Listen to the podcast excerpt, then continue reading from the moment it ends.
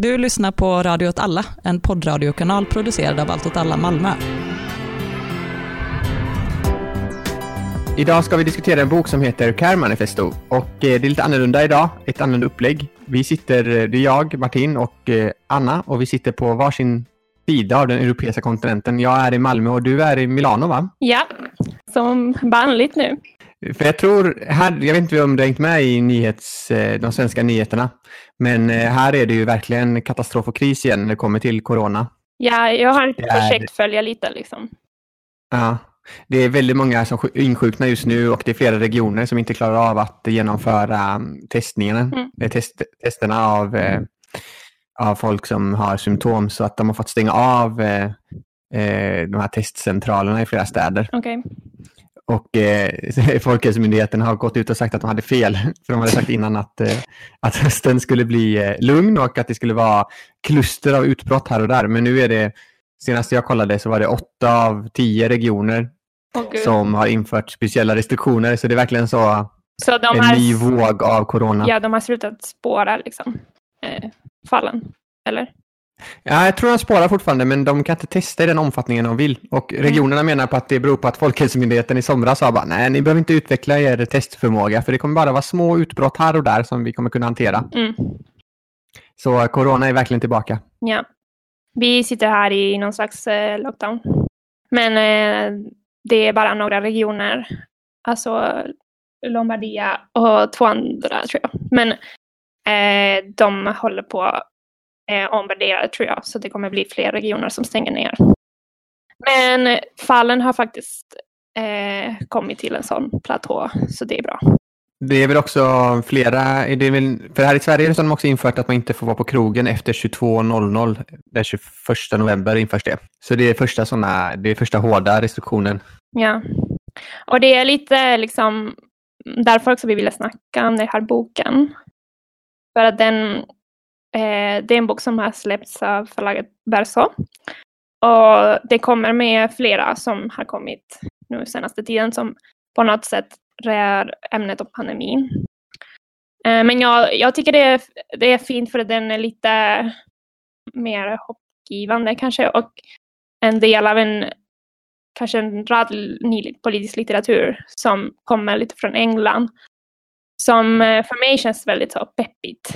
Jag blev peppad när jag såg att det var det här Care Collective, kallar de sig va? Ja, alltså jag vet inte vilka de är faktiskt. Nej, men en av dem är hon som har skrivit eh, Collective Joy. Aha, men det är de här, det är de här människor. Jag tycker om dem. ja, jag med. även om, vi kommer vi kanske in på senare, men även om man kan känna igen ganska många teman från tidigare mm. verk eller så, från den kretsen. Ja, precis. Och jag tänker att det är, det är viktigt nu att eh, försöka liksom politisera det här. I alla fall här i Sverige så har ju den svenska vänstern också varit väldigt frånvarande i debatten kring pandemin. Mm. Det har ju varit väldigt mycket så att man har eh, Ja, det var lite som kring eh, liksom, arbetsvillkoren i somras och sådär. Yeah. Eller tidigare på våren för eh, vårdpersonal. Men det har inte varit någon egentlig allomfattande kritik av eh, eh hur regeringen har skött eh, liksom, hanteringen av pandemin. Utan den har ju framförallt kommit från högen.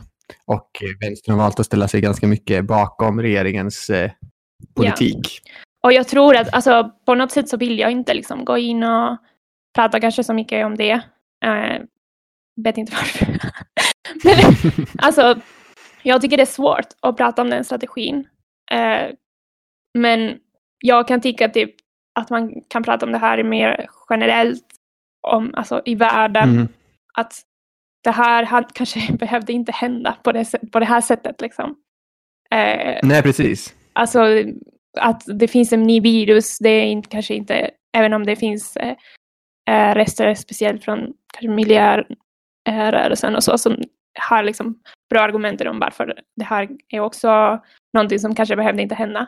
Men om vi frångår från det så alltså den han, hanteringen av, av pandemin och hur eh, det har påverkat människors liv och hur vi ser också nu att eh, vi liksom går back i många länder där utvecklingen hade liksom gått framåt i eh, alltså många aspekter av rättigheter och så vidare som, som mm. nu går back i decennier. Jo.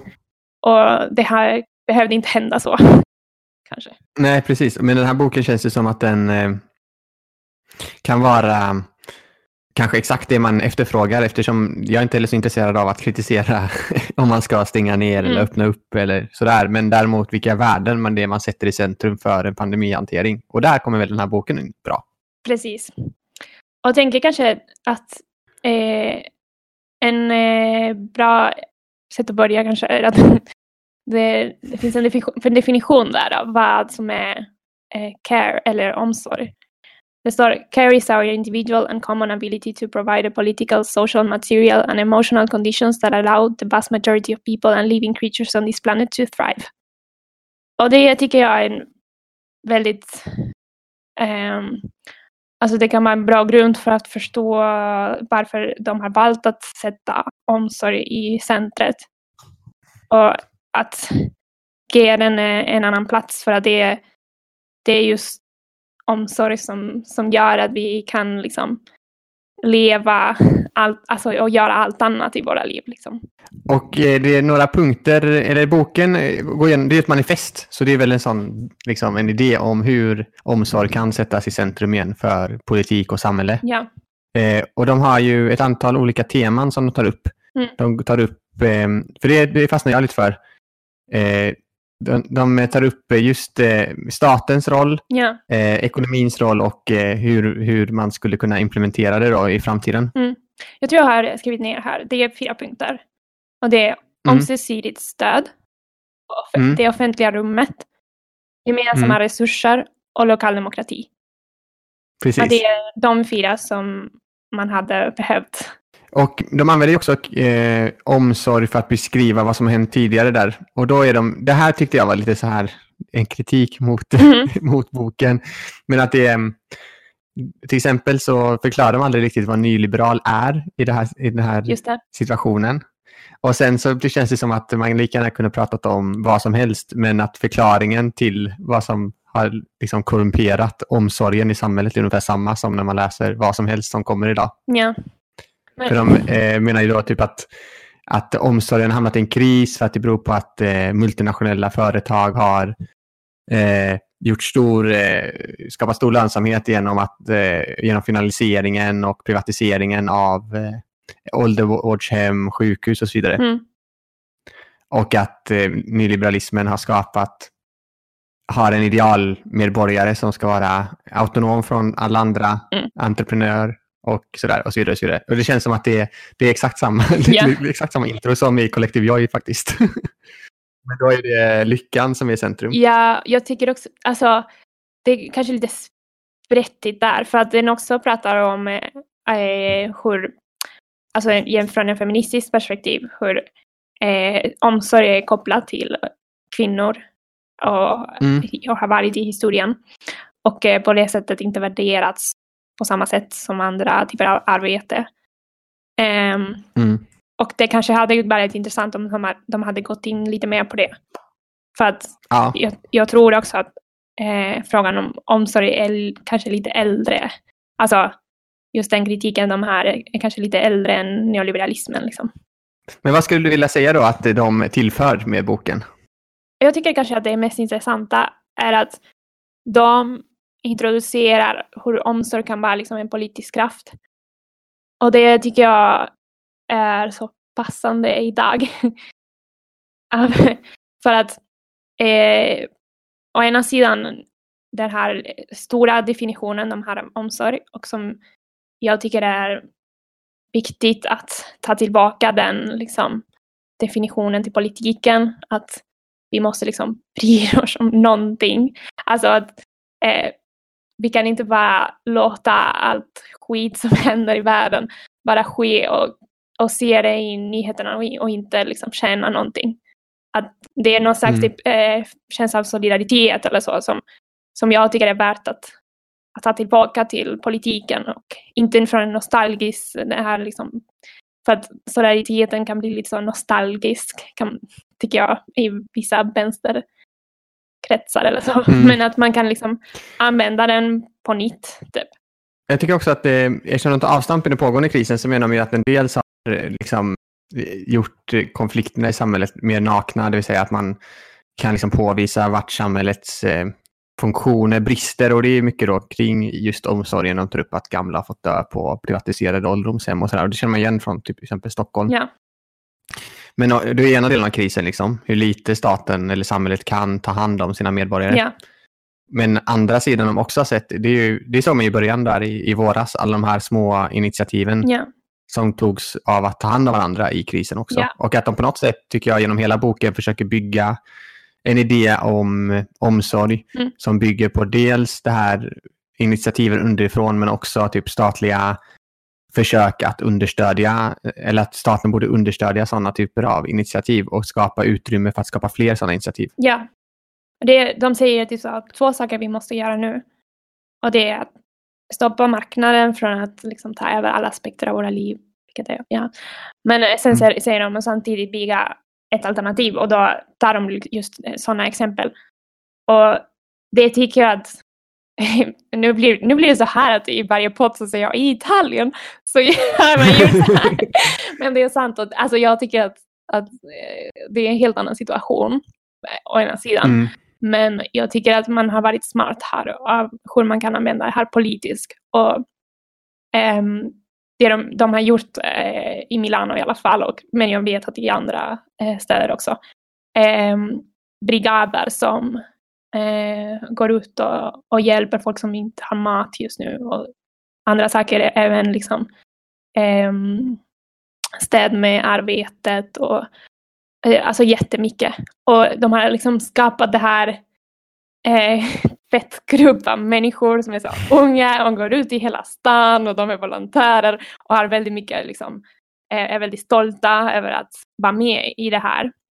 Och eh, samtidigt som de liksom försöker liksom politisera eh, de här grupper och alltså kräva att staten måste liksom eh, komma in och hjälpa. Alltså att det, det liksom, alltså staten måste hjälpa människor ekonomiskt. De kan inte bara stänga ner och säga ja, hej hej, ni får läsa det här typ, tills eh, vi inte alla dör. Alltså det är som en konstig strategi från staten att bara liksom stänga ner och inte ge någon alternativ.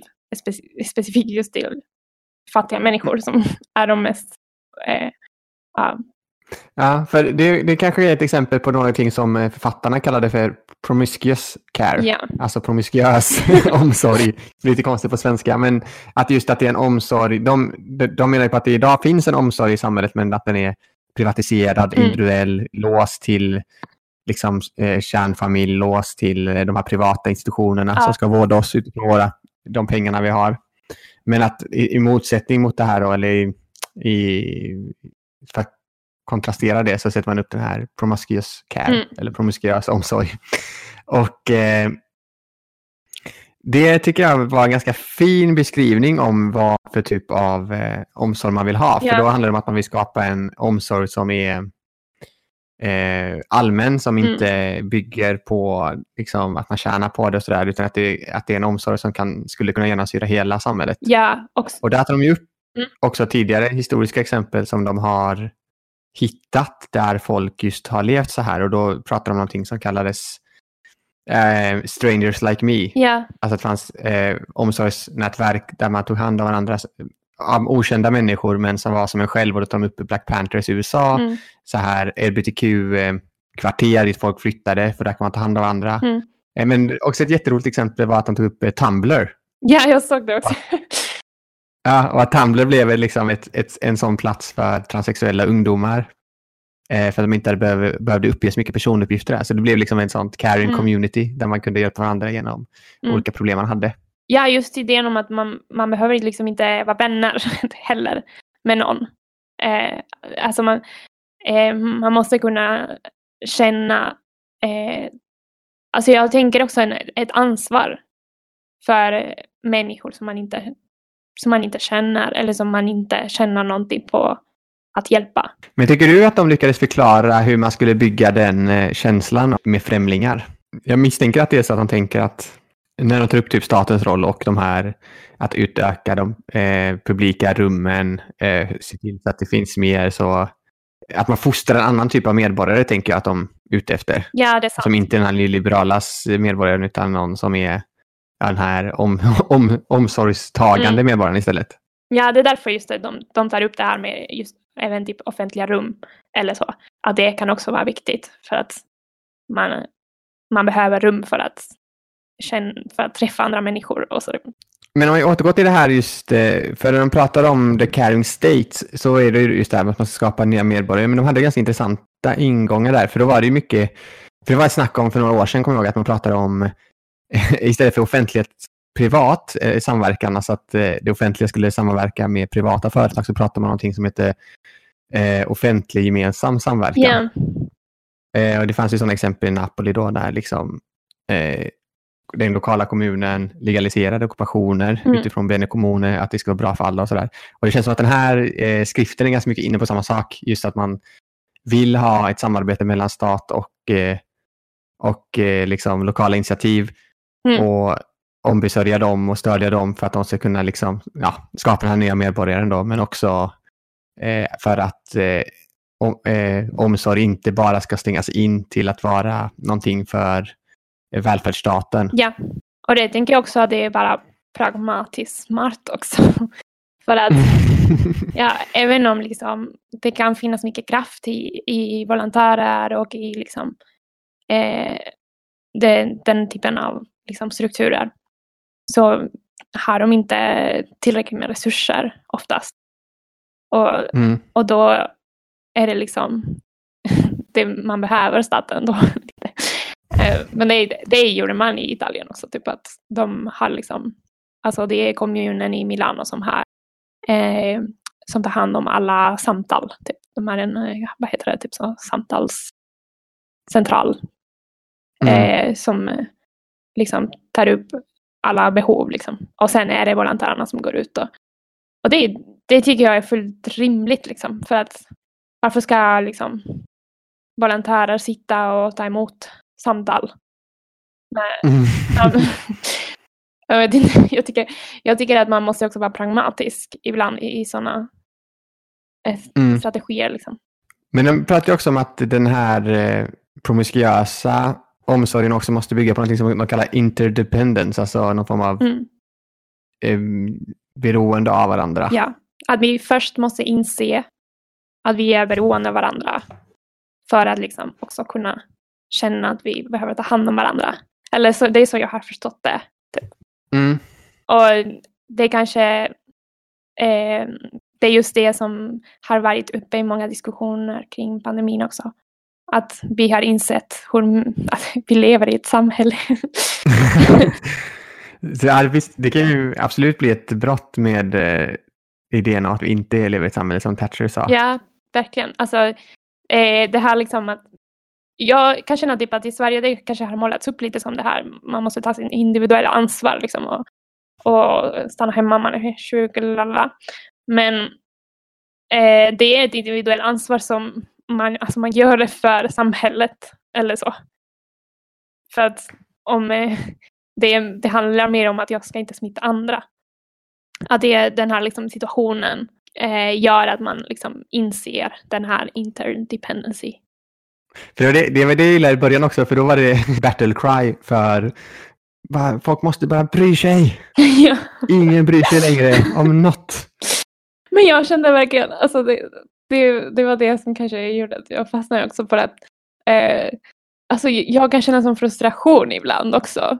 Ah, eh, jag, jag blir väldigt frustrerad av liksom när jag sitter och, och hör hur folk inte liksom reagerar på, på sin egen situation, inte ens på andras. De har ju någon förklaring där till att man inte bryr sig längre. De, kallar, de använder An, An, Hanna Arendts idé om banal ondska, men att det alltså att banaliteten finns inbyggd i nyliberalismen. Mm. Att man är så man är skapad så mycket som en samhällsmedborgare, så mycket som en kund eller så mycket som en så här individuell person som ska vara stark i sig själv och klara sig själv. Så att man har liksom inte utrymme att bry sig om andra längre. Just. Och att det är bara någonting som rullar på utan att man tänker på det som Hanna Arendts då idé om banal ondska. Liksom. Jag, jag läste också typ, eh, alltså det var på typ Instagram, men, men, men jag, det var som att jag tänkte på boken för att jag läste någonting som bara det här är den perfekta tiden för att eh, liksom eh, self-care typ. Och, mm. och jag känner bara, alltså det här är så sjukt bara att vi, vi sitter i liksom, vi sitter inomhus och sådär för att det är människor som dör ute. Och liksom, och som, är, som har ingen mat, som har inget jobb. Och du sitter hemma och tänker, ah, men nu är den perfekta tiden för att göra en face mask. Det är nu jag ska göra det. det är nu jag ska tänka på mig själv. Alltså, det är, ah. och de pratar lite om det, om att just det, omsorg har blivit lite på det sättet. Typ. Att jag, jag ska sporta eller alltså, att man eh, ska liksom ta hand om sig själv. Typ. Ja, verkligen. Men det tycker jag man märker tydligt så här, i media eller i nyhetsflödet eller så där, så är det väldigt mycket typ, ah, nu under pandemin så ska man passa på att utveckla de här kunskaperna. Lär dig att träna hemma, lär dig att eh, använda de här digitala kanalerna i ditt jobb. Ja, lär dig att bli bäst liksom. Men att det är väldigt lite reportage om de som liksom på något sätt måste fortsätta va, agera precis som vanligt. Mm. Jag har någon kompis som jobbar som eh, lärare och han får ju gå in och liksom Eftersom de har infört så restriktioner om att eh, föräldrar måste lämna barnen utanför skolområdet, så han måste gå ut och hämta alla barnen. Mm. Det är vikariepoolen i slut. Eh, det finns inga vikarier att ta in. Massa människor är sjuka. Ja. Så att de går verkligen på knäna. Liksom. Man får jobba stängning och sådär. På fritids där det inte ska vara egentligen. Mm. Och, eh, men den verkligheten finns ju inte liksom, i, i den allmänna diskussionen. Utan då är det bara det känns som att hela liksom, inramningen är skriven av de som kan jobba hemma, som sitter hemma. Det är inte skrivet för dem som måste åka ut och leverera pizzor eller jobba inom sjukvården. Precis. Eller jobba som lärare. Liksom. De som taxichaufförer och så vidare. Alltså alla som bara måste fortsätta. Ja. Och de som faktiskt tar hand om, om de sjuka. Ja, precis. som inte ens orkar eh, ta hand om sig själva längre. Alltså, eh, det var, jag såg att det var väldigt många som, som lämnade sitt jobb efter, alltså i sommaren ungefär, mm. från, från vården. Och jag, jag, vet inte hur det är nu med den här andra bågen. Det är ju, här i Skåne är det ju 3000 inom sjukvården som är sjukskrivna nu. Ja, alltså det, det är helt sjukt. Och då fattar man verkligen att man har ett, system som är, alltså är inte gjort för det. Och det är lite också som är poängen med boken. Att, att det, eller en av de poängen som de gör är att det finns en liksom, kontradiktion i, i det här systemet och omsorgen. Att den liksom går inte in. För att omsorgen är väldigt komplex också. Och och det, det, kan in, det är inte en relation som kan bara värderas i en marknad eller så. Men det är, väl, det är väl därför att återgå till det vi pratade om i början, där att inte vara kritisk mot strategi och sådär, så mm. handlar det om också värden man sätter i centrum för de åtgärder man tar till. För det tar de också upp i boken, liksom att stater har ju under den här krisen eh, gått in med eh, extra så här eh, eh alltså stöd till yeah. olika branscher och sånt, men att det alltid har varit eh, liksom med de ekonomiska glasögonen som man har stött banker i Sverige eller stora företag. Yeah. Men man, eftersom inte då den här promiskuösa yeah. omsorgen är i centrum så, så stödjer man liksom inte, eller man ser inte till så att folk faktiskt kommer utanför faran. Utan yeah. Det känns som att man skiter rätt mycket i, i de här människorna som måste fortsätta eh, gå till jobbet eller och sådär, utan att alla sådana åtgärder alltid varit eh, på något sätt riktade mot en annan grupp. Ja, för det känns ganska mycket som att målet med alla strategier är lite att vi, vi ska gå tillbaka till, till det vanliga. Liksom. Och där tror jag de har en viktig poäng just att de tar upp de här eh, mutual aid-grupperna och att det, är liksom utifrån de grupperna som en ny typ av eh, omsorg kan växa fram. Ja. Och att de ska leda den utvecklingen och att det är det man kanske kan bygga på under krisen men också efter krisen ja. som vänster. Precis. Att det är liksom att omsorgen kan vara den kraften. Men det tycker jag, eh, det finns i Malmö finns den här gruppen som vi var med och startade upp som heter Granne till granne. Ja. Och där märker man att det finns en ganska stort, ändå, även ifall det inte är så många som be behövt använda den i relation till många som är sjuka, liksom för att det var ganska lugnt i Skåne fram till nu, men det har ändå funnits ett stort så här efterfrågan att få hjälpa till, att kunna vara den här omsorgsfulla personen. Och då är det ju verkligen folk som hjälper totala främlingar att Ja, hämta böcker, lämna böcker, gå och handla. ja, Så det finns ju något radikalt där. det är det. Och det, i det tycker jag också att, att vi har liksom en utmaning. Att också eh, försöka omvandla det till, till, om, alltså till, att, till en annan omsorg eller att, att den omsorg kanske ska fortsätta. Eh, alltså att omvandla det till just en politisk kraft. Precis, och kanske inte heller glömma bort omsorgen i fokusen när den här pandemin tar slut, utan ha, Mm, precis, ha det som en bild för ens politiska verksamhet. precis. Och där tar de ju upp nästan så här politiska strategier man skulle kunna liksom använda sig till, slåss för att utöka de eh, publika rummen i staden där det inte finns, eh, där, där man inte behöver konsumera, Mm. eh, liksom försöka utveckla de här initiativen, försöka kräva av staten att gå in och ge pengar till de här initiativen, understödja dem på olika sätt juridiskt Mm, så att de blir mer legaliserade eh, och sådär. Så det finns ju verkligen också i boken någon typ av strategi man skulle kunna följa om man väljer att just sätta omsorgen i, i centrum för ens politiska handling. ja. ja, det tyckte jag också var nice. Det var väldigt... För att ibland den här typen av eh, böcker kan jag känna att det blir lite så, mm, inte utopiskt, men att tonen är lite så. Mm. Men jag tyckte ändå det var väldigt alltså, rakt. Typ, det det här vi Mm. behöver göra. Och that's it. Verkligen. Så en annan pandemi är möjlig. Yes. Eller var möjlig kanske. är möjlig, det pågår än. ja. ja, och jag vi, vi har liksom, alltså det här är inte över. Och det är inte heller över när vi har en vaccin. För att det finns Nej. jättemycket att läsa sen om hur den ska liksom distribueras och så vidare. Så vi måste liksom kunna hitta ett sätt att hitta den här omsorgen och omvandla det till politik. Och det tror jag att eh, vi kan göra. Men eh, då kanske vi tackar för där. Ja. Ja, vi kan rekommendera boken. Den är, var väldigt rolig att läsa. Eh, ganska kort sak också. Men eh, absolut Lättläst. att rekommendera. Men då återgår vi till våra liv i pandemin. ja. Tack för att du lyssnade. Hej hej! Hej då! Har du kontaktat Verso om att vi ska bli officiella recensenter? Det gjorde jag men de har inte svarat. Nej, så om ni hör det här, någon som har kontakt på Verso, så hör av er. Ja, vi vill bli vänner.